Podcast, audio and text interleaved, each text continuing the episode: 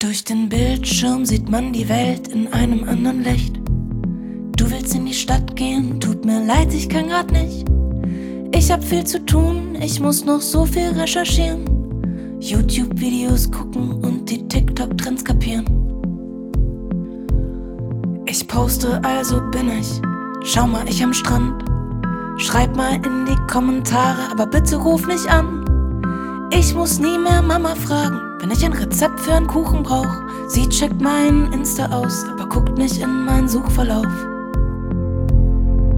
Ich will nicht hören, was mein Kopf denkt.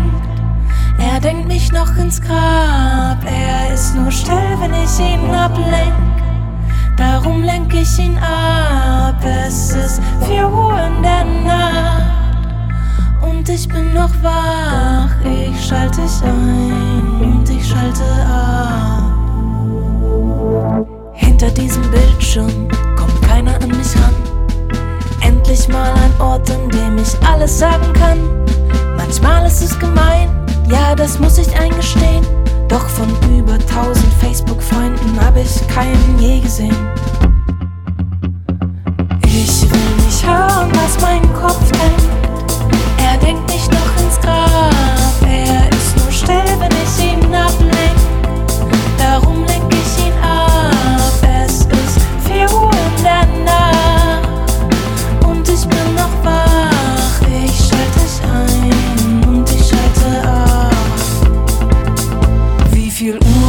Nochmal? Oh, ein Kommentar. Haha, like und share. Wer war nochmal Claire? Ah ja, stimmt von damals. Kosti ist auf den Bahamas. Und 12 WhatsApp von letzter Nacht. Warum habe ich das Ding nochmal angemacht?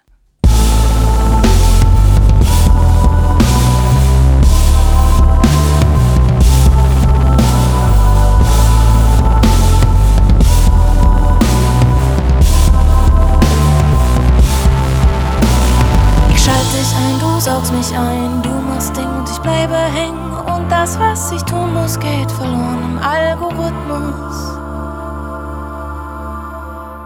Ich will nicht hören, was mein Kopf denkt.